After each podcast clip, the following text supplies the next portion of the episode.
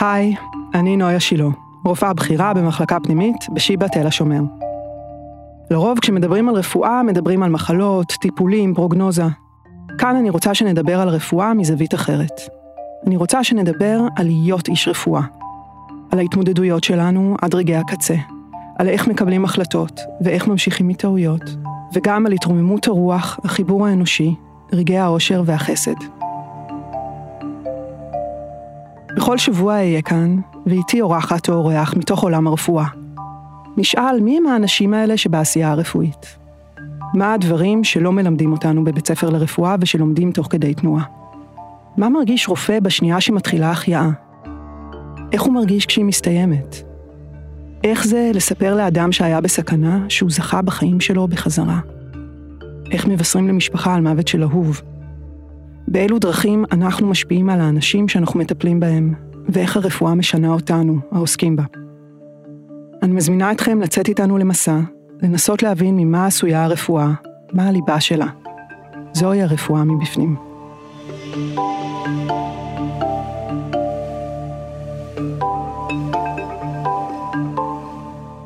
והיום האורחת שלי היא דוקטור יעל חביב, מנהלת של היחידה לטיפול נמרץ כללי וטיפול נמרץ קורונה בשיבא. היי יעל. אהלן. מה שלומך? בסדר. יעל, את ואני שתינו רופאות בתל השומר, ולאורך השנים גם הייתה לא מעט השקה בינינו, אבל הפעם הראשונה שממש עבדנו יחד וטיפלנו באותם מטופלים, יום יום ולילה לילה, הייתה בגל הראשון של הקורונה.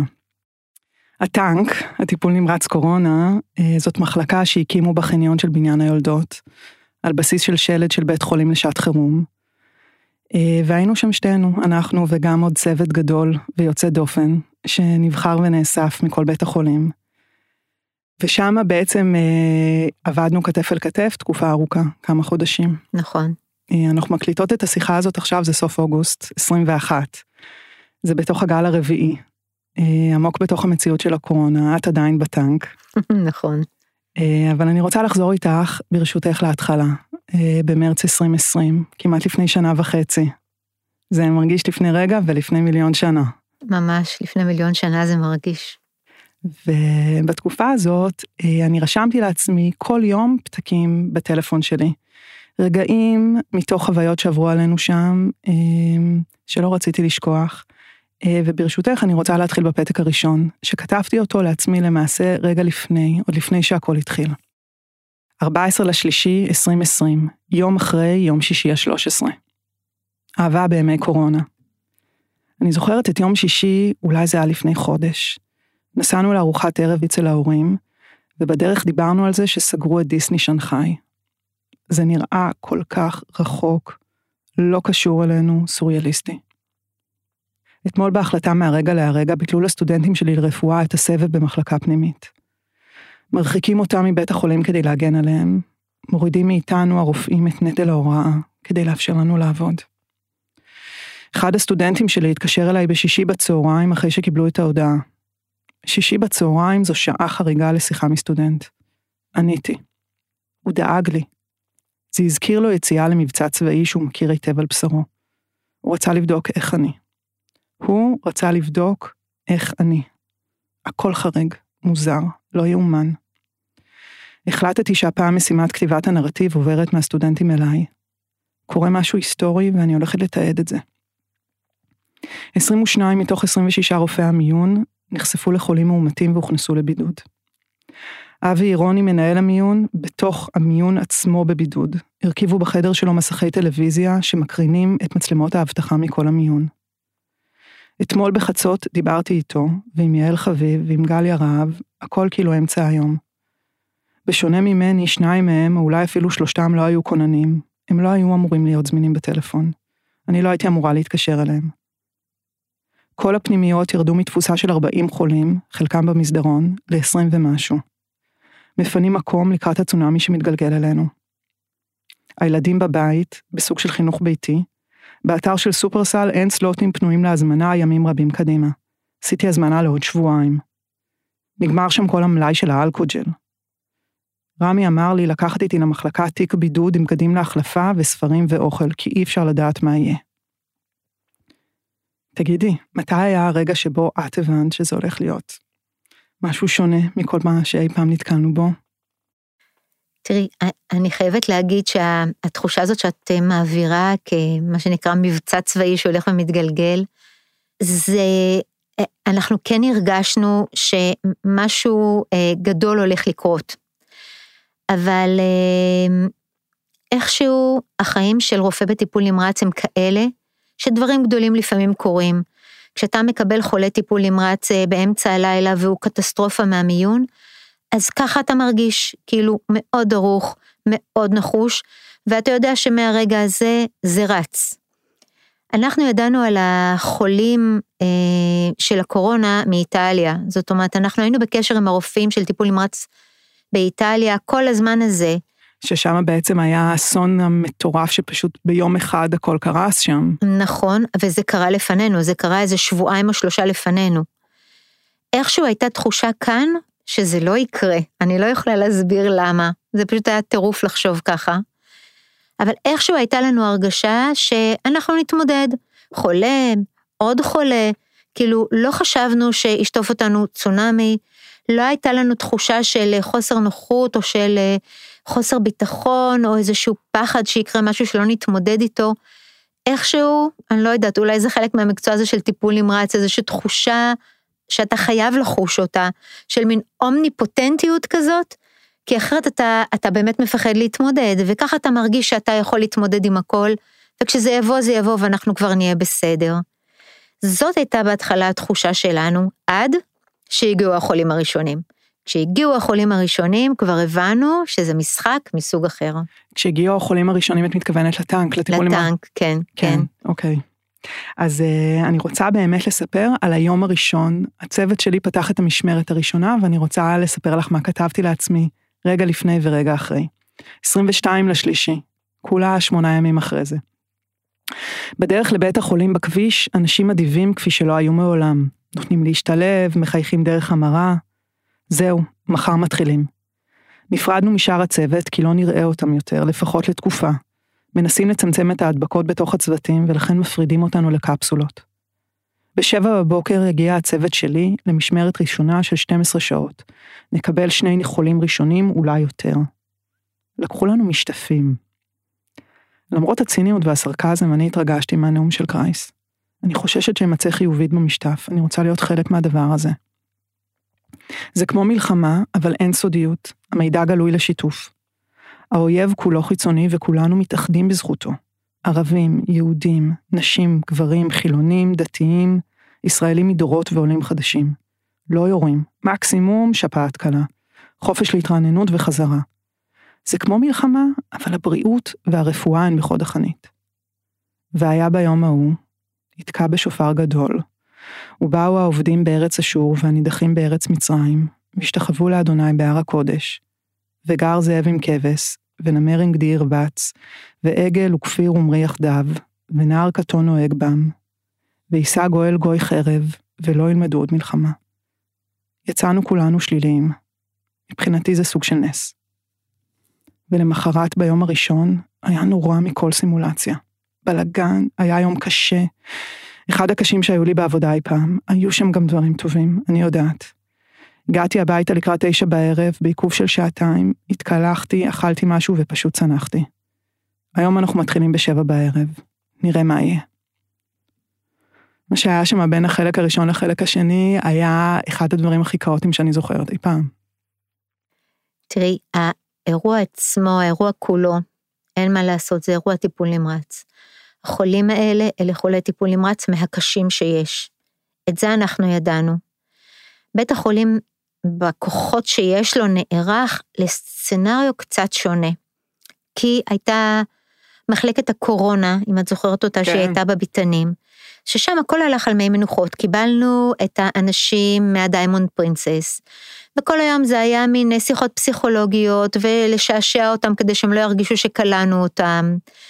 ושני החולים היחידים שבאמת אה, אה, קרסו והיו לא טובים, אני חושבת שלא ידענו או לא שיערנו כמה לא טובים הם יכולים להיות. זה מעניין איך שאנחנו קוראים להם לא טובים. זה הז'רגון שלנו, אבל החולים הלא טובים זה החולים שידענו שהמצב שלהם לא טוב, שהם הולכים לקרוס. כן, כן. אמ, ו, ושני החולים האלה, אנחנו בעצם התחלנו כבר לראות אותם במחלקה של אה, פרופסור גדי סגל, וכשהעברנו אותם לטנק, מבחינתנו, מבחינת טיפול נמרץ, זאת הייתה הקלה. זאת אומרת, אנחנו לקחנו שני חולים שבעצם היו בפנימית, והעברנו אותם למתאר של טיפול נמרץ. זאת אומרת, המכשור שצריך, הצוות שצריך, הניטור שצריך. לגמרי, לגמרי, זאת הייתה הקלה גדולה מאוד מבחינתנו. כי עד אז בעצם טיפלתם בהם עם ידיים כבולות. ממש ככה, ממש ככה, זה היה, זה היה לא פשוט. וכשהעברנו אותם, אז הייתה, היה איזה סוג של דווקא רווחה, והרגשנו שאנחנו שולטים בעניינים. שאנחנו כבר, מה שנקרא, יש לנו בסך הכל שני חולים, אנחנו שולטים בעניינים, אנחנו יודעים איך מטפלים בהם, לפחות לתחושתנו, אנחנו יודעים איך מטפלים בהם. ולכן, מבחינתי, תחושת ה... הפחד מהנורא הבא, הבא עלינו, לא הייתה. לי, זאת הייתה, מה שנקרא, פתיחה טובה לכל הדבר הזה. כן. אמ, אנחנו כשהם הגיעו, אז באמת אה, היה את העניין שזה חולי, אה, החולים הקשים הם הרבה פעמים על התפר בין פנימית לטיפול נמרץ, אה, בגלל ההמצאה הישראלית טיפול מוגבר, וכל מיני באמת דברים שההפרדות הן לפעמים הפרדות לוגיות שאנחנו עושים, אבל הבן אדם המעבר מחולה רגיל לחולה טיפול נמרץ הוא, הוא לפעמים מאוד אפור. אמ, מה שהיה מאוד מאוד קשה זה באמת לטפל בהם בתוך מיגון. יש צוות בפנים, יש צוות בחוץ.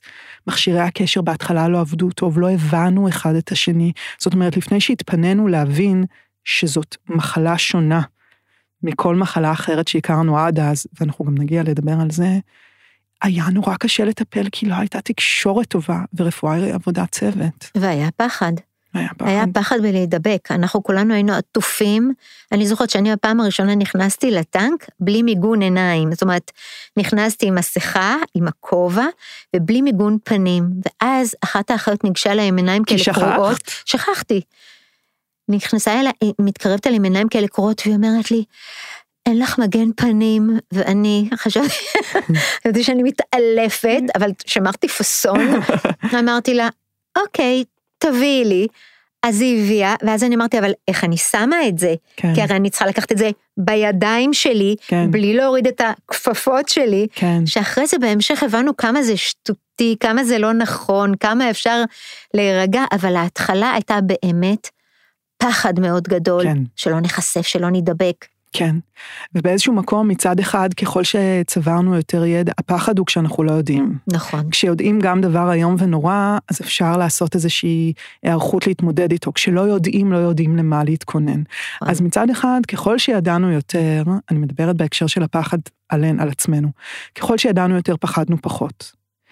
מצד שני, ככל שעבר הזמן וידענו יותר, גם ראינו המחלה התקרבה הביתה. זאת אומרת, ראינו אנשים שאנחנו מכירים, שנדבקים במחלה, ופתאום זה לא היה מין משהו רחוק ונפרד ושונה, אלא זה היה מאוד מאוד קרוב בבטן הרכה. נכון, וגם ראינו בעיקר אנשים צעירים שלא העלינו בדעתנו שהם התנהגו כמו שהם התנהגו. כן, ו... שהמחלה שלהם תהיה כל כך קשה. מחלה זוועתית, באמת. כן. אין, אין מחלה, אין לה אח ורע, באמת. את יודעת, אני ממש זוכרת אותנו יושבים בחמ"ל, שזה מין אקווריום כזה, אה, שבו לא צריך להיות ממוגנים. אה, עם המון המון המון מוניטורים מצפצפים. עכשיו בגלל שבנו את זה בה, אני מספרת כי אנשים לא יכולים אפילו לדמיין איך הדבר הזה נראה. לקחו חניון אה, והסבו אותו למחלקה. אז על הרצפה, על הלינולאום, ראו את הסימונים של החניות, נכון?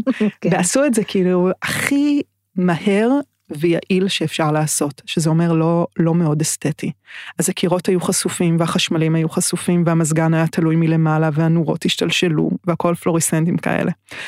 אני ממש, ובית, והיה חדר, חדר החמ"ל שישבנו בו אנחנו, הרופאים הבכירים בעיקר, אמ, מלא מחשבים, מלא מוניטורים, אה, מלא מכשירי קשר, ואני זוכרת שישבנו שם והיינו, את היית שם ואני, אה, ועוד אנשים בכירים שאיתנו, פרופסור מעיין וגליה רהב הייתה שם, הרבה דמויות כאלה מאוד מפורסמות, ואנשים שמבחינתי הם ארורים ואטומים.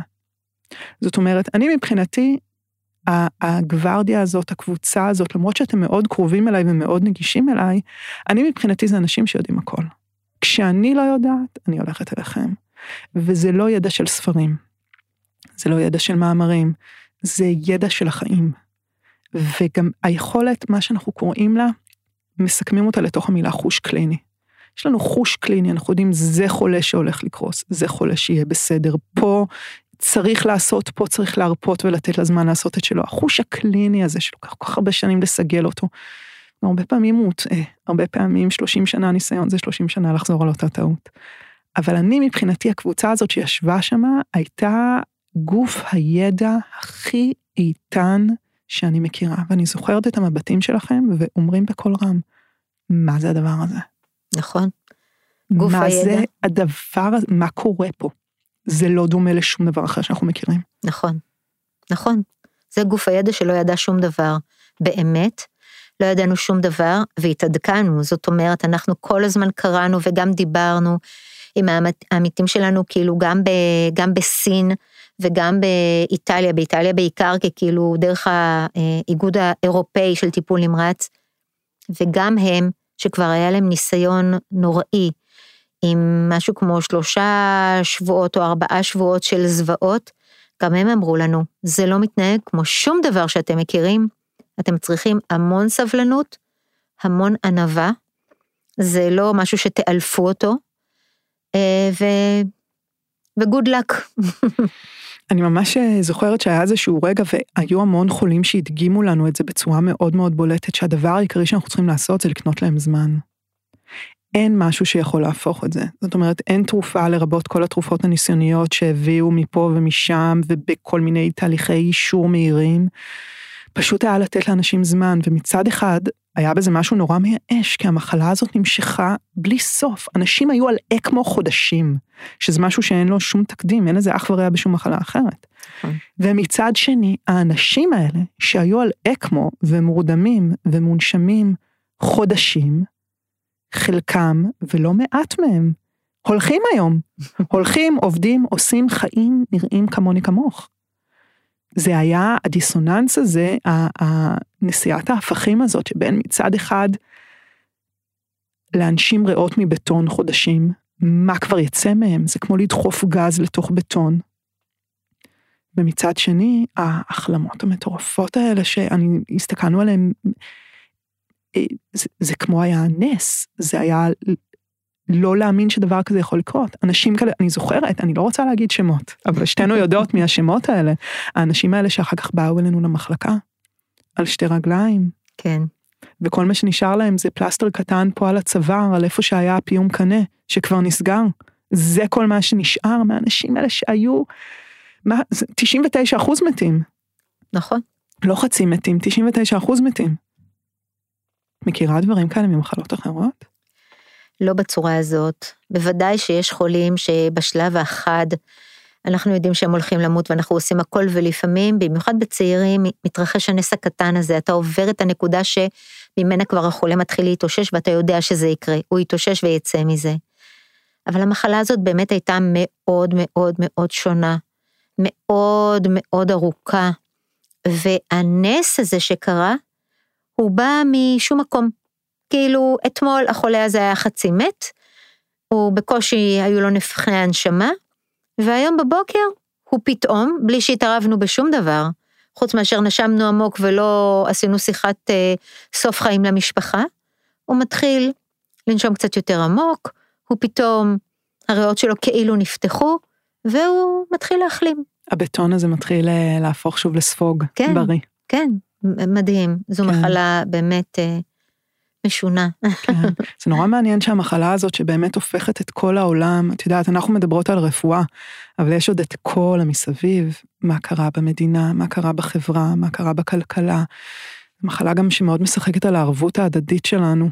אה, יש בה המון המון אתגרים לכולנו, אבל זה מדהים שאפילו ברמה הרפואית, הלכאורה מצומצמת, אה, למרות שבעיניים שלנו זה העיקר, אבל אפילו כשמסתכלים על זה מבחינה רפואית, זה מדהים שהשיעור העיקרי שהמחלה הזאת מלמדת אותנו זה ענווה.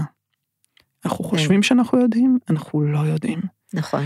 וזה היה בעיניי, אם אני חוזרת לסיטואציה הזאת בחמ"ל של הטנק, זה היה בעיניי כל כך מעורר השראה לראות איך אתם לא מפחדים להגיד אני לא יודע. הרבה פעמים, את יודעת, יש את ה...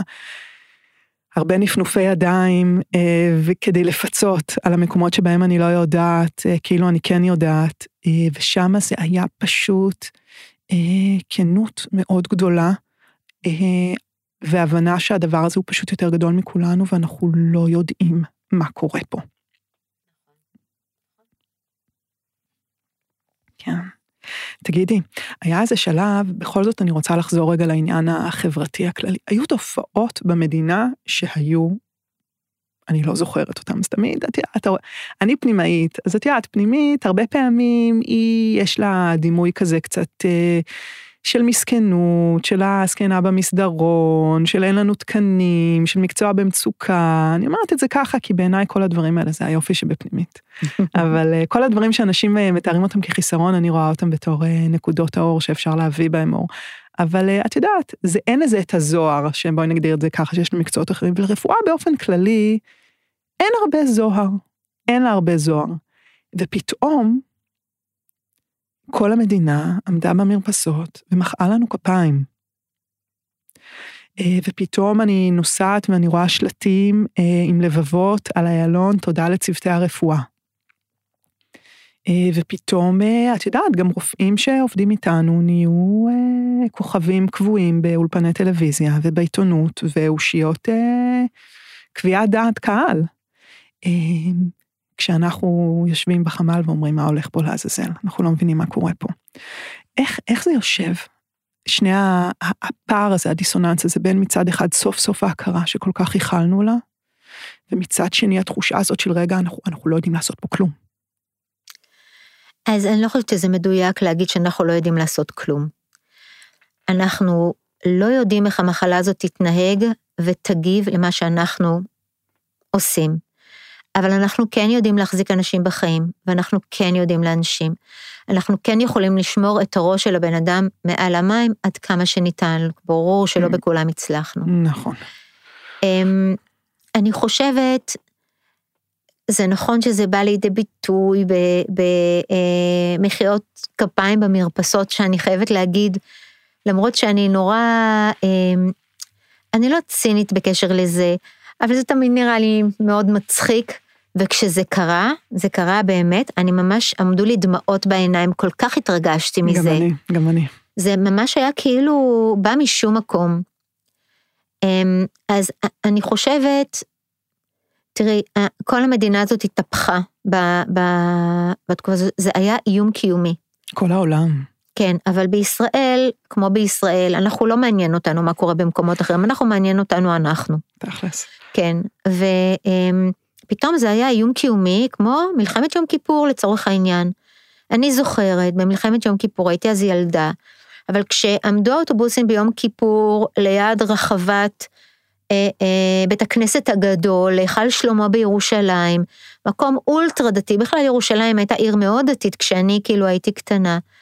וכל החיילים עולים על האוטובוסים, וכל, ו, וזה ברור שנוסעים באותו זמן, וזה ברור שמציידים את החיילים בכל מיני דברים, ואנשים עומדים אה, בכבישים ומוחאים כפיים לחיילים, וכל הדברים האלה, זה פתאום נורא הזכיר לי את זה, שכאילו פתאום אתה מבין שיש רק גוף אחד שכרגע מגן על החיים שלך, מגן על החיים שלך בדיוק מהמשפט הזה. זאת אומרת, אין פה שום בכאילו. אין בה שום, החיים זה מה שכרגע עומד בסכנה, ואנחנו הגוף שמתווך את האו מוות, או התערבות שאולי תוביל לחיים. וזה באמת נכון, אני באמת חושבת שזה מה שהיה. עכשיו אני אגיד לך עוד דבר על שיבא, שיבא בסופו של דבר בגל הראשון, היא קיבלה את רוב החולים מהגל הזה. גם כי הרבה מאוד חולים הופנו מבני ברק, אה, וזה אזור, כאילו האזור שלנו, האזור שאנחנו קולטים אותו. ואנחנו אנחנו קלטנו הרבה מאוד חולים, אנחנו כמעט היינו בחזית כמעט לבדנו, נכון. אחרי זה לקראת ההמשך, כבר עוד בתי חולים הצטרפו למאמץ. נכון, למאמץ. בהתחלה היה שלב שהטיפול נמרץ קורונה שאנחנו היינו בו היה יותר גדול מכל שאר הטיפולים הנמרצים ביחד. נכון, נכון. ולכן כאילו אמ, באמת התחושה, התחושה שלי וגם התחושה בציבור הייתה, בעיניי הייתה נכונה. אנחנו היינו היחידים שכרגע מסוגלים לתת איזשהו פייט לדבר הזה שהוא איום קיומי. אני בהחלט חושבת ככה.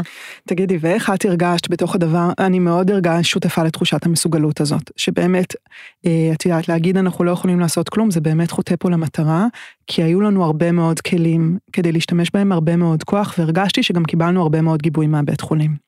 ספרי לי את, איך זה לנצח על הדבר הזה, כשאת אה, לא נמצאת עם הצוות שאת רגילה אליו, שיש לך אה, מין, אה, לא יודעת אפילו איך לקרוא לזה, אני לא רוצה לקרוא לזה מגדל בבל, אבל את יודעת, כל מיני חיבור של כל מיני צוותים מכל מיני מקומות. אני אגיד, המחלקה הפנימית שאישה את זה, 24-7 זה הייתה המחלקה שלנו, ועוד רופאי טיפול נמרץ, ורופאי טיפול נמרץ ילדים, וצוות סיעודי מכל מיני מחלקות, ואת בעצם גם לא מכירה את כולם. איך זה מבחינתך לעבור מהיחידה שלך, הידועה, המוכרת, שעובדת כמו מכונה משומנת, לתוך מכונה שהיא גדולה, ולא כל החלקים מכירים אחד את השני עדיין. אז אני, תראה, אנחנו לא, לא נזרקנו מלכתחילה כמנהלי האירוע הזה. ויכול להיות שהיה בזה סוג של יתרון.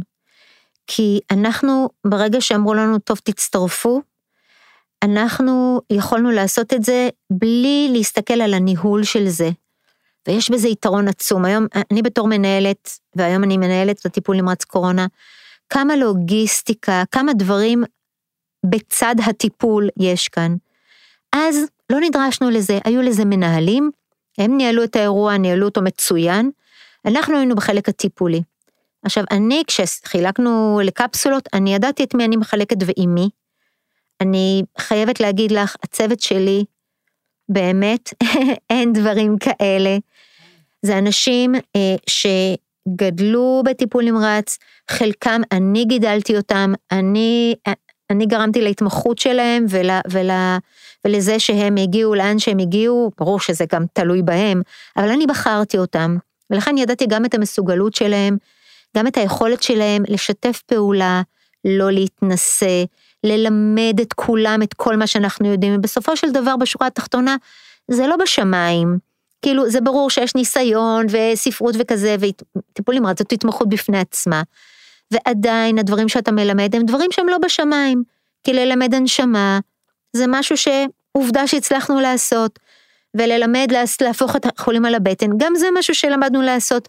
ובאיזשהו שלב אפילו הרגשתי שאנחנו מחנכים דור, שזה סוג של שליחות, שאנחנו מחנכים דור שזה יהיה להם, שזה יישאר להם, והאמת שזה בדיוק קרה ככה. אותו דבר האחיות שלי. יש להם איזשהו סוג של נתינה וסוג של סבלנות וסוג של באמת להתעלות מעל, מעל גודל השעה, לראות את הכל ולתת מעצמן. וואלרי, האחות האחראית שלי, שבעצם ניהלה שם את כל הפרוטוקולים ואת כל ההכנסה של כל הפרוטוקולים של טיפול נמרץ לתוך הפנימית והכשרה של האחיות, ולגרום לזה שכל האחיות יעברו שם הכשרת אקמו והכשרת הנשמה אה, אה, והכשרת אה, פצעים והכנסת ליינים ולעשות את כל הדברים ולהכניס כל הזמן כל מיני מכשור חדש. כל הדברים האלה, זאת הייתה תחושה של א', מסוגלות, וב', של, של, איך אני אנסח את זה, של באמת הקניית הדבר הזה, יש בזה משהו של מעבר לטפל במחלה, יש פה משהו שהוא הקניית ידע וחינוך הדור למציאות שיכול להיות שהיא תישאר איתנו. התחושה הזאת נותנת הרגשה נהדרת, ואני ידעתי, את הצוותים שלי, אני ידעתי שהם יוכלו לעשות את זה על הצד הטוב ביותר. כולם, כל אחד בנפרד. לא הייתי צריכה להיות מנהלת שלהם. כל צוות שנכנס, הוא היה מנהל של עצמו. כן. וזה הלך נהדר. נכון, מהר מאוד התחלקנו בעצם לשלושה צוותים. כשאני הייתי ראש הצוות של אחד הצוותים בפנימית, ואת היית ראש הצוות של אחד הצוותים בתמרוץ, לא היינו את אותו צוות, את תמיד באת להחליף אותי. נכון. כן. אמ, היו שם כמה פעמים שאני זוכרת שנשארתי טרוטת עיניים כדי שתבואי ונוכל לסגור את הקצר הזה, שאני אוכל לדבר איתך ולשמוע ממך בפנים מול פנים. ושלא יהיו טלפונים שמתווכים ו- וכל מיני אה, טלפונים שבורים שמתווכים פחות טוב. אבל uh, אני חושבת שזה באמת עבד נפלא. ונורא, את יודעת, אני מסתכלת על עצמי, אני, הצוות שלי במחלקה הוא צוות אה, יחסית קטן, חמישה, שישה, שבעה מתמחים. אה, ופתאום אה, היינו צוות של שלושים, ארבעים, וזה היה, הרגשתי שזה חלק מאוד גדול מהעבודה, או מהתפקיד, או אני מצטערת על המילים הפומפוזיות, אבל מהשליחות, או מהייעוד של הדבר הזה, זה לייצר, להצליח לייצר קבוצה שהיא נבחרת.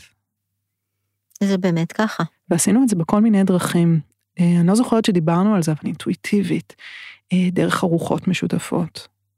אה, חגגנו את כל החגים, עשינו את ליל הסדר שם, ואת החג השני, ואת יום השואה, ואת יום העצמאות, ואת יום הזיכרון, דרך ציון של הדברים האלה. תמיד אגב זה היה בשתי ארוחות, בשתי נגלות, כי היה את הצוות שבפנים והיה את הצוות שבחוץ, ואז היינו צריכים להתחלף כדי שכולם ישתתפו. ואחד הכלים הכי חזקים שאני מצאתי לי אה, היה מוזיקה. אני השמעתי להם שירים דרך מערכת הכריזה.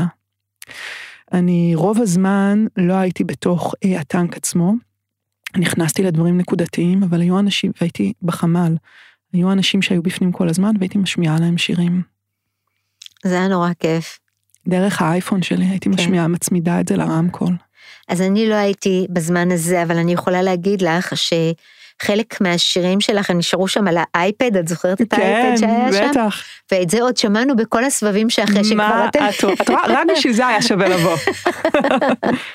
היינו יושבים ושומעים את המוזיקה שלך. אז אני רוצה להקריא פתק על אה, שיש בו גם מוזיקה, בסדר? אוקיי. אה, זה מה-29 וה-30 במרץ. אני מגלה שבעולם הטיפול נמרץ לא מרימים ידיים. אף פעם. אני מגלה שאני יותר לוחמנית מהרוב, שבמקצוע שלהם אני רק אורחת. אני מסרבת לוותר. אולי יש פה טוטליות משיחית, אולי זה מרץ של מתחילים. אני לא מוותרת על בת החמישים, ואני משכנעת את כולם לעזור לי. גם CVVH, גם נובו 7, גם אקטמרה, גם אלטרוקסין לווריד. הרינו לתוכה את כל בנק הדם פעמיים. אני צודקת? לא יודעת.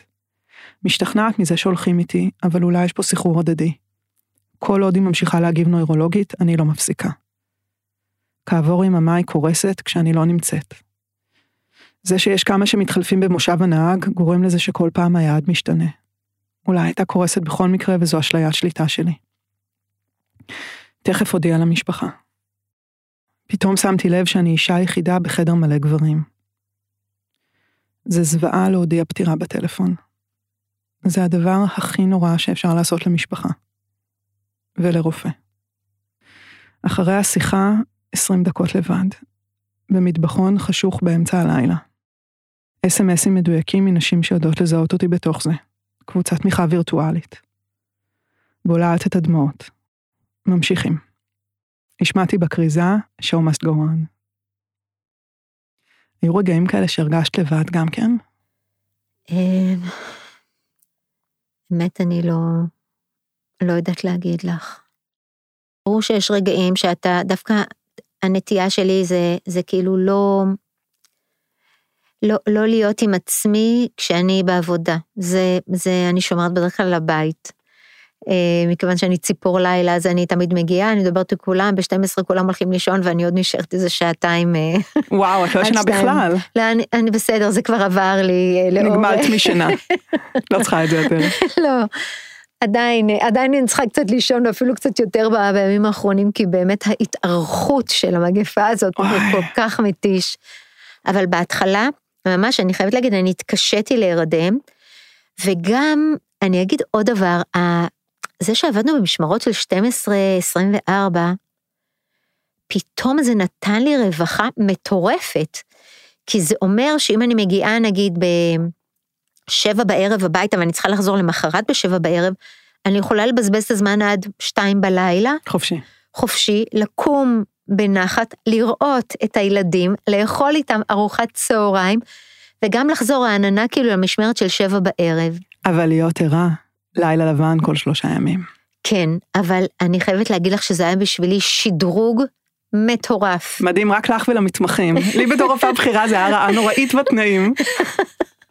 היה מטורף כמה זה היה טוב, במרכאות, כן. אמ, אז, אבל כשהייתי נגיד בתוך התפקיד, יש מעט רגעים, בכלל בכל הקריירה שלי שאני זוכרת, שאני חייבת להיכנס לחדר, לסגור את הדלת, אולי אפילו לדמוע, לנשום עמוק, לנגב את העיניים ולצאת. אמ, זה לא פשוט. קודם כל נתקלנו בהמון מוות של אנשים סופר צעירים, באמת, זה היה, זה דבר ראשון. דבר שני, לא היו אז חיסונים. באמת, זה היה שילוב של מין גורל באמת אכזרי. היו לנו אנשים כל כך צעירים, שכל כך פחדנו שיקרה להם משהו, עם משפחות שאתה מתקשה לעמוד מול ילדים קטנים ולהגיד להם, לגמרי. אבא לא חוזר הביתה. לגמרי. זה פשוט, זה פשוט שובר, זה הורס.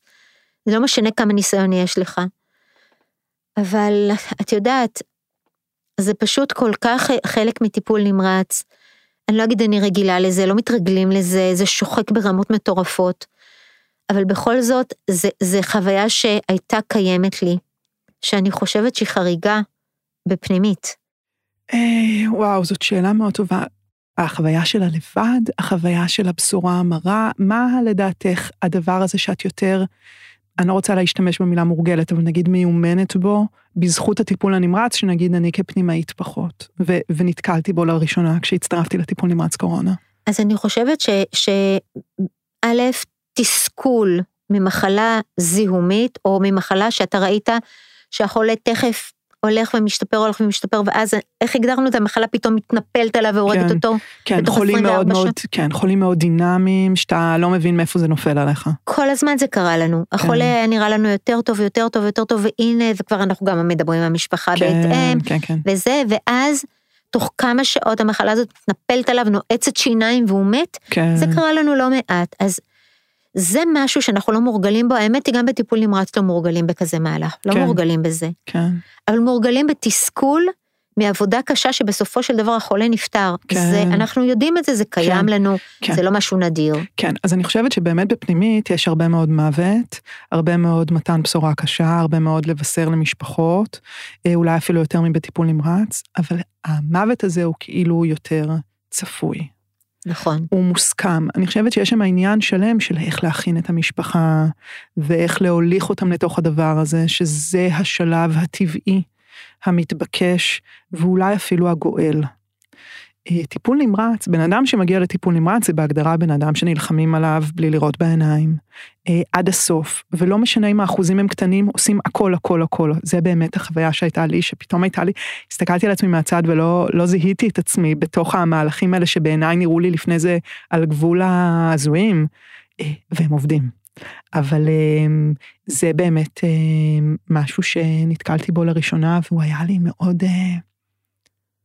חדש, וזה היה לי מוזר בשלב שלי להיתקל בדברים חדשים ברפואה. חשבתי שאני כבר יודעת הכל.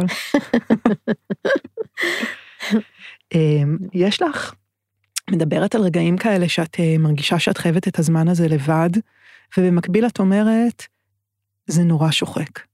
מה את עושה כדי להישמר מהשחיקה הזאת? איך את שומרת על עצמך? אמ, קודם כל המשפחה שלי, שבאמת אני, אני תמיד אומרת את זה גם למתמחים שלי ול...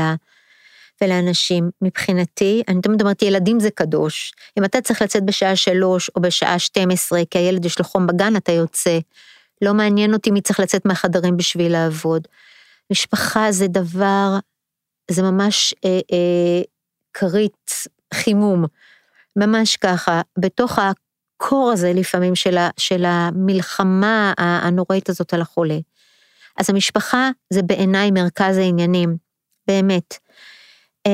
ואחרי זה אני משתדלת, אה, את יודעת, לפחות בשישי שבת, או בימים שאני, אני כל הזמן זמינה, כי אני כאילו מנהלת, אבל אני ממש משתדלת לתת את הזמן גם, גם למנוחה. בשבת, לא לח... אני לא מתקשרת מיוזמתי למחלקה, אין. המחלקה יודעת, הם צריכים אותי, הם מתקשרים אליי. אבל אני מיוזמתי לא מתעניינת מה קרה עם החולה הזה ומה קרה עם החולה הזה, אני עושה הפרדה. יש את העבודה ויש את הימים שאני בהם לא בעבודה. חופשה שנתית, שלא בשנתיים האחרונות, כן, אבל לפני כן, חופשה שנתית זה must, ובחופשה השנתית שלי, אני לא, אני לא, לא זמינה, אני באמת לא זמינה. אבל אתה גם נמצא במחלקה כזאת שאתה יודע שאתה סומך על אחרים. אתה פש... עכשיו, הנטייה של כולנו היא לא לסמוך. כי אנחנו כאילו יודעים נורא הרבה, ואנחנו רוצים לשמר שלא יקרו טעויות, אבל בסופו של דבר אתה חייב לסמוך. וגם לא כל מה שאתה אומר זה תמיד הכי נכון, יש אנשים אחרים שגם אומרים דברים נכונים. אז כאילו היכולת הזאת to let go, לתת לדברים להיעשות איפה שהם נעשים, לסמוך על זה שזה ייעשה הכי טוב שאפשר, אה, ופשוט לא, לא להיות בחלק מהזמן במקום. אני רוצה לשאול אותך אבל על משפחה. אני בטוחה שבתור אימא את גם אה, מרגישה את הדבר הזה שנגיד לילד, אימא רופאה זה לא הגליק הכי גדול. יש דברים יותר טובים מאימא רופאה נגיד. לגמרי. יש דברים יותר גרועים, יש דברים יותר טובים. אמ, נגיד, את יודעת, הילדים שלי יש את הסיפורים שלהם על כל הפעמים שהייתי לא זמינה, לא סבלנית, כן בעבודה, קודם אה, הבית חולים, קודם החולים, קודם המחלקה. אה, ובאמת מאוד מאוד קשה לעשות שם את ההפרדות. אבל אני רוצה לשאול אותך שאלה כזאת. אני הרבה פעמים באה הביתה ואני מאוד מלאה בחוויות שעברו לי. ובדברים שעשיתי ובדברים שקרו, ואני נורא רוצה לשתף בזה.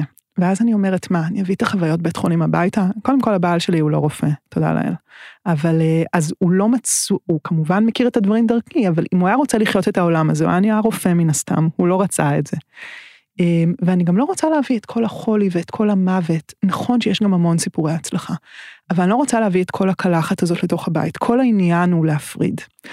ואז אם אני באה הביתה ואני מאפשרת לעצמי את הכרית חימום הזאת, אז אני נשארת עם הדברים האלה בתוכי שלא הוצאתי אותם. מה הדרך שלך שם? אז א', אני מדברת עם הבן זוג שלי על, על דברים שמאוד מאוד מציקים, אה, ולפעמים גם עם הילדים. אה, לא, אני לא מביאה להם את כל המוות והחולי הביתה. אבל אה, למשל, אני מדברת איתם כן על הצלחות ועל אה, התחושה של כך וכך. אמ, למי שרוצה לדבר איתי, נגדיר את זה ככה, אוקיי? לא, לא תמיד אה, הם מתעניינים בעניין הזה, והרבה פעמים גם, כאילו, אני יותר מתעניינת בהם מאשר הם מתעניינים בי. והדרך שלי כאילו לפרוק דברים, חלק מזה זה לדבר עם אנשים במחלקה, באמת לדבר עם בעלי. אמ, וזהו, ואיכשהו במבנה אישיות שלי, באופן ספציפי, אין לי את הצורך, באמת אין לי את הצורך הזה לשתף בכל דבר. יש לי דברים שלי שאני לא משתפת בהם, וזה, וזה בסדר, אני לפעמים, את יודעת, מאבדת אותם עם עצמי. זאת אומרת שהיו תקופות מאוד ארוכות כשהייתי אמ, יותר צעירה, שהייתי מדברת עם סבתא שלי שנפטרה, וכאילו הייתי שואלת, היא עונה, אני שוב שאלתי עונה, כאילו הייתי מנהלת איזשהו דו-שיח עם, עם עצמי. אה, איזה ו... דברים למשל היא אמרה לך? הרבה פעמים היא אמרה לי... אה, מה הלך ללמוד רפואה? לא, היא לא אמרה לי את זה. את זה אף פעם, אף אחד לא אמר לי, כולל הילדים שלי. באמת? למרות שהבת שלי... איזה הצלחה. הבת שלי כשהייתה קטנה, אני חושבת שהייתה בת שבע, אה, באיזה יום אה, הורים כזה, יום המשפחה או משהו כזה, שאלו אותה, נו, וגם את רוצה להיות רופאה? ואז היא אמרה משהו כמו, אה, אתם השתגעתם? אתם רוצים שאני לא אראה את הילדים שלי? וואי, זה זוועה, ילדים זה זוועה. זה בוקס לבטן. לגמרי, ילדים זה עם. אני לא אשכח את זה, ממש, ממש, זה פשוט היה, לא. אז איזה מין עצות סבתא שלך ידעה להגיד לך על אז, אה, ההתמודדות עם הדבר הזה? אז, אז היא הרבה פעמים הייתה אומרת לי, אה, את, את תרופה, זה דבר נהדר, לא הכל בידיים שלך. אה, בואי, תרגי, זאת, זאת החוויה שלך, אה, יכול להיות שאנשים יש להם חוויה אחרת.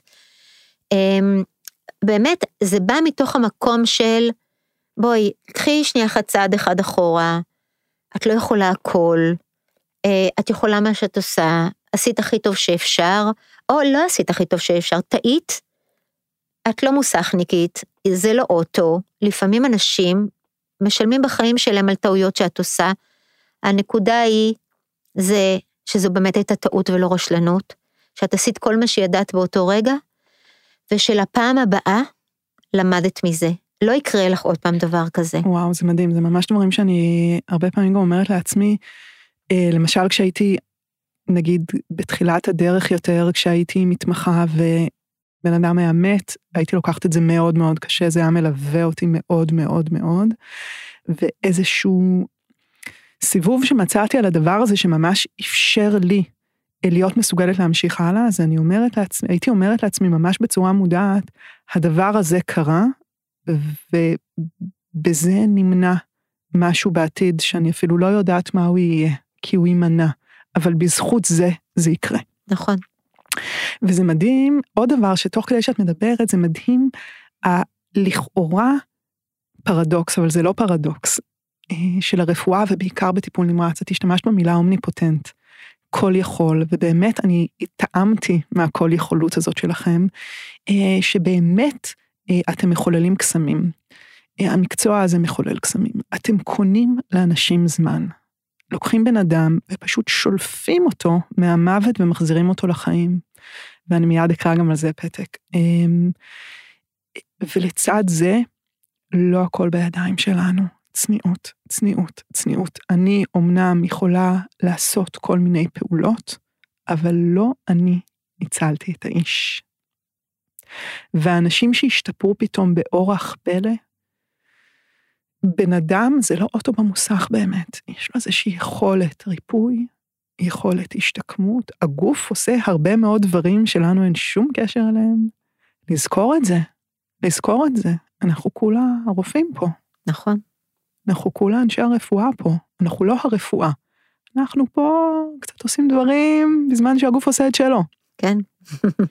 זה באמת עניין להחזיק את זה. אה, אבל זה מאוד מנחית אה, כשדברים במקצוע יכולים מאוד לגרום ליהירות, זה משהו שמעגן חזרה למטה. אני רוצה לקרוא לך קצת על האומניפוטנטיות שלכם. 15 לרביעי. בן ה-76 שהגיע ביום הראשון, חזר במצב קטסטרופלי. הוא שרד כנגד כל הסיכויים, וגם היה הראשון לצאת מהמחלקה, ועכשיו הוא חזר בספסיס נוראי. היה צריך כל וזופרסור אפשרי כדי לשמור על לחץ דם, כולל מתילן בלו. דיוויד התרסק עליו, שעות, במו ידיו. בחריקת שיניים לא נתן לו למות. דחף לתוכו עוד ועוד חיים, והצליח.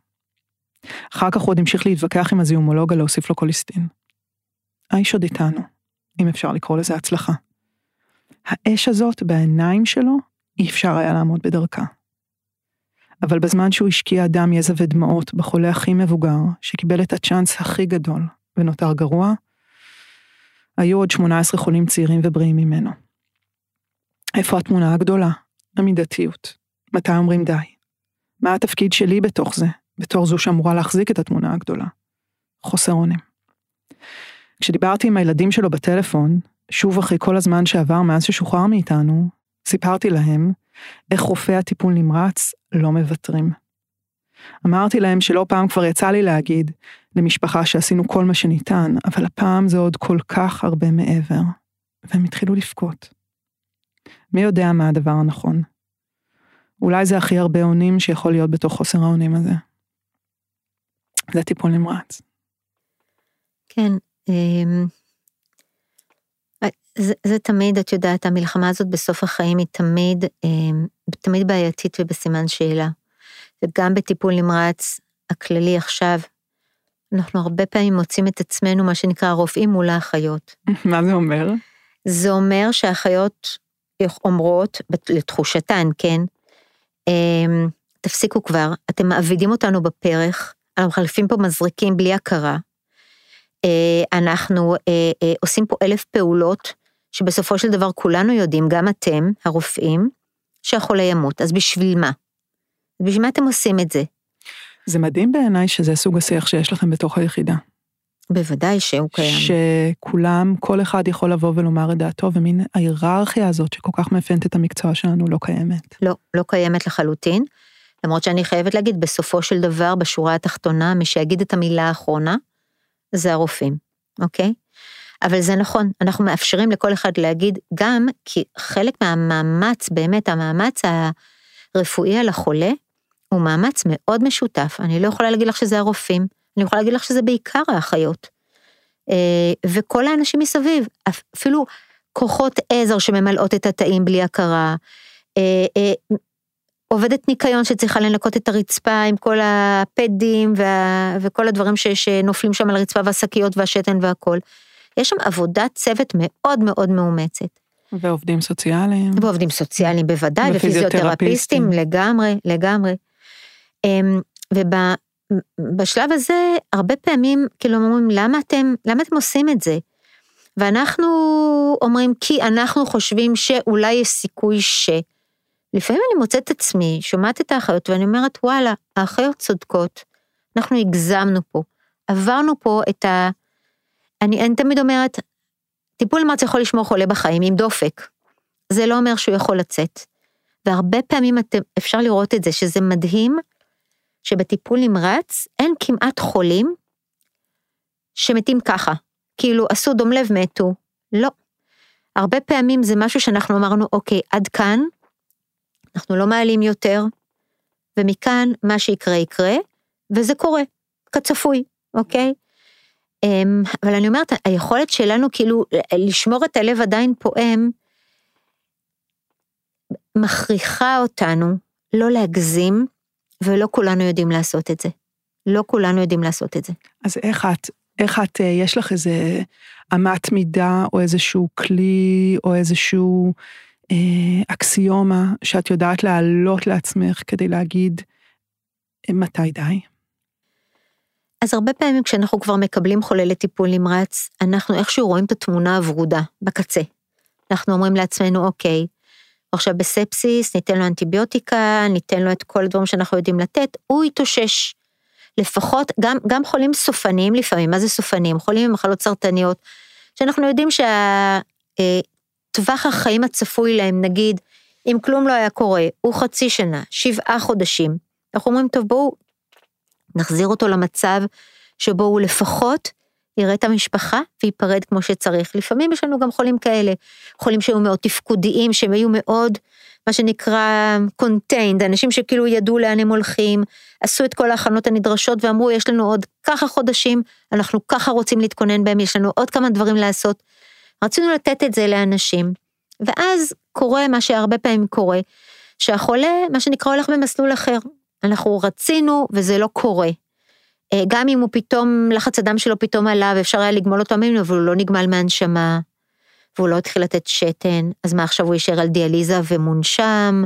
פתאום מתחיל איזשהו משהו שהוא, שהוא כאילו, ואז אנחנו אומרים, אוקיי, אולי נעשה לו פיום קנה, אז נוכל להעיר אותו, ובכל זאת הוא יוכל לדבר עם המשפחה. כאילו את אומרת, לנו... האם יכול להיות שהמוות זה לא האפשרות הכי גרועה בשבילו? נכון. ומה הטיפול שאנחנו נותנים לו, אולי הוא יכול לעשות לו יותר נזק מתועלת. כן, אבל לפעמים אני גם אומרת, יכול להיות שאם היינו מציעים לו את הנזק הזה לעומת מוות, והיו לו תכניות, אולי הוא היה לוקח את זה. אנחנו לא יודעים. ולכן אני תמיד חושבת שאנחנו, אמ, המקום שבו אנחנו מחליטים ש, שאנחנו לא ממשיכים את כל הדבר הזה, אני תמיד חושבת שזה קורה כנראה יום או יומיים יותר מאוחר ממה שזה היה צריך לקרות, כי תמיד מקננת בנו איזשהו, איזושהי תקווה שהנה זה תכף קורה. אבל בסוף מרגע שאנחנו, אני מרגישה את זה בלב, או מישהו מרגיש את זה, מותר לו להגיד את זה בישיבת בוקר, ואז אנחנו דנים על זה, וכל אחד אומר את דעתו. בסופו של דבר אני זאת שפוסקת בעניין הזה, אנחנו לעולם לא מחליטים את זה בלי לדבר עם המשפחה. משפחה צריכה, גם אם אנחנו לא אומרים לה, זה לא בידיים של המשפחה, זאת אומרת, אנחנו לא זורקים לה את הכדור ואומרים תחליטו, לא. כן. אנחנו החלטנו. כן. אנחנו רק מכינים את המשפחה שזה הולך לבוא. אה, אנחנו אומרים שאנחנו לא מוסיפים יותר טיפול, אנחנו מזמינים את המשפחה לבוא ולשבת ליד ולהיפרד כי אנחנו כנראה הולכים לשם. אמ, ואז, ואז זה פשוט, אה, וזה פשוט קורה, וכל אחד יכול להגיד מתי לדעתו זה צריך לקרות, ובסופו של דבר אנחנו לוקחים החלטה של כולנו, כי הדבר שהוא הכי שוחק, מפחיד אותי מהבחינה הזאת, זה שיהיו אנשים שירגישו שאנחנו ויתרנו על חולה, ולא בצדק, ולפעמים דווקא הצוות הסיעודי אומר, מה פתאום אתם מוותרים, אנחנו לא מוכנים לוותר, איך אתם זה איש צעיר, יש לו ילדים, אנחנו לא מוכנים. ואז אנחנו זורמים איתם, הרבה פעמים אנחנו זורמים, זורמים. וגם לפעמים צודקים. כן, כן, לפעמים צודקים, למרות שאני חייבת להגיד לך הרבה פעמים כשאנחנו איכשהו הגענו לכלל החלטה, כנראה שזאת ההחלטה הנכונה. את יודעת, את בעצם מדברת פה אה, על משהו שהוא ההשלכות של ההחלטות שלנו, שהן מעבר לאובייקט, לאיש שעליו אנחנו מחליטים. כי כל דבר כזה, הרי יש לו אדוות והשפעות מאוד נרחבות. גם המשפחה, נגיד את אומרת, הבן אדם עבר איזושהי נקודת אל חזור, הוא הולך למות, אבל המשפחה צריכה להמשיך לחיות עם עצמם, והדרך שלהם להמשיך זה להיות שלמים עם הטיפול שהוא קיבל ועם האופן כאילו שהם ייצגו אותו בפני הצוות הרפואי כשהוא לא יכול היה לדבר בפני עצמו. וגם הצוות. ההחלטות שלנו, את מדברת על, ה, על החילוקי דעות שלפעמים יש בתוך הצוות.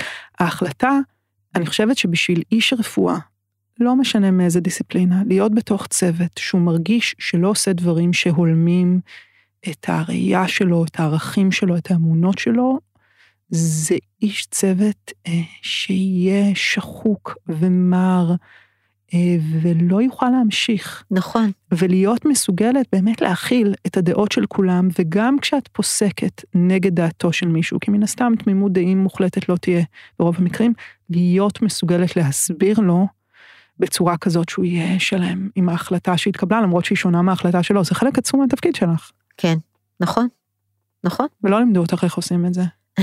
זה מסוג, גם את זה לא לימדו אותנו איך עושים. לא, לא לימדו אותנו איך עושים. אבל בכל זאת אני, אני חושבת שגם הזמן נותן לנו את האפשרות הזאת, וגם, את יודעת, אני, אני אומרת, ההחלטות הכי נכונות מתקבלות, או הצורה שבה אתה מדבר מתקבלת, מזה שאתה אוהב את האנשים שלך. אם אתה אוהב אנשים, אתה רוצה שיהיה להם נעים בהחלטות האלה, שהם יהיו שלמים, שהם יוכלו להכיל, שהם יוכלו ללכת קדימה. בסופו של דבר, אלה החיילים שלי. אני לא, לא יכולה להרשות לעצמי ש, שהם יהיו במקום לא טוב. לגמרי, אני כל כך מסכימה איתך, וגם בעניין הזה זה קצת מרגיש לי כמו שידוכים של העולם הדתי. כי הרי את יודעת, הרבה פעמים האנשים, נכון, בחרנו אותם שהם יבואו אלינו, אבל הם הגיעו אלינו, התגלגלו אלינו, לא הלכתי, בחרתי את הבן אדם הזה, אמרתי לו, אתה תלמד בבית ספר לרפואה, תסיים, תבוא אליי. התגלגל אליה בסטאז', המתמחה, כאילו איכשהו התגלגל אלינו, ופתאום אנחנו איתם ביחד, רוב שעות היממה. נכון. ואת יודעת עליהם הכל, כשהם מתחתנים, וכשנולדים מהם ילדים, וכשהם עוברים משברים, וכשמתים להם, וכשקוראים להם, וכשהם חולים, את יודעת הכל. וכזאת קרבה, אני מרגישה שהיא מתבקש שהיא תייצר אהבה. וזה, התפקיד שלי זה לאהוב את המתמחים שלי. נכון. זה לגמרי. ממש חלק מהתפקיד שלי. אני נורא מסכימה. אני רוצה להקריא עוד דבר אחרון, אה, לפני שאנחנו מסיימות, ברשותך. לא יודעת מה לבחור מרוב שיש דברים שאני רוצה שנדבר עליהם. יש משהו שאת רוצה שנדבר עליו? אני חושבת שכבר די ענית אה, איך הרגשת כשאנחנו, מה שנקרא, נדחפנו לכם לתוך הטיפול mm. בחולים האלה. אני זוכרת שאני, הש... החולה הראשון שהגיע, אני עשיתי לו את הקבלה. עכשיו, אנשים שלא מצויים בתוך העולם הזה לא יודעים מה זה. לעשות קבלה זה עבודה של סטודנט. זה לתקתק את כל התרופות ואת הרקע הרפואי ואת האבחנות.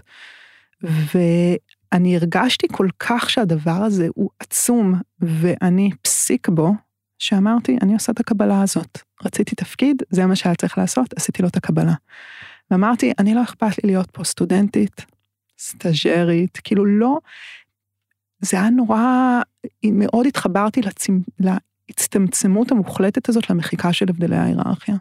תדעי לך שאני חושבת שחלק באמת מההצלחה של מה שהיה, אני מדברת על, על עבודת הצוות, שהיה בגל הראשון, זה זה שזה הייתם אתם, באמת. כאילו... הפנימית. הפנימית, כן. אמ, שידעתם להכיל אותנו, כאילו לתת לנו את המקום שלנו, ובאמת לקבל בלי, בלי לריב, בלי להגיד אבל אנחנו, ואני חושבת שגם אנחנו, היה, יש לנו כבוד גדול לפנימאים, במיוחד לפנימית הספציפית הזאת, אבל באמת הייתה איזו הרמוניה שממש, אבל ממש לא הייתה מובנת מאליה. והאמת היא שהיו שם פונקציות שלא הייתה הרמוניה ביניהן, וזה לא הייתם אתם ואנחנו. כן. זאת באמת, כאילו, צריך איזושהי גדולה, באמת, צריך גדולה וביטחון בידע שלך וביכולת שלך, בשביל לקבל גם אנשים אחרים ולשמוע מה יש להם להגיד. כן. וזה, זאת הייתה חוויה ממש טובה, ממש חוויה טובה. אתם הייתם חוויה נהדרת, mm. באמת. והיו לנו הצלחות מפוארות. כן, כן. היו לנו הצלחות מפוארות, ובעיניי זה לא רק האנשים שבנס, בעיניי, חזרו מן השאול, כן. אלא זה גם, את יודעת, אפילו האנשים שלא הצלחנו להציל, אני חושבת שעשינו שם עבודה כל כך עגולה ושלמה, ומול המשפחות, ואחד עם השני, והכלנו אחד את השני, ותמכנו אחד בשני, ויצרנו שם באמת צוות אה, יש מאין, אה, שבעיניי כל הדברים האלה זה חלק מההצלחה המפוארת הזאת, זה אחד הדברים הכי משמעותיים שאני זוכרת אה, בימיי כרופאה, שהם גם כבר אה, לא מעטים.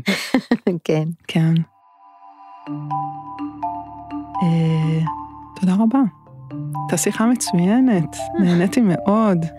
גם לי היה כיף. תודה רבה. תודה.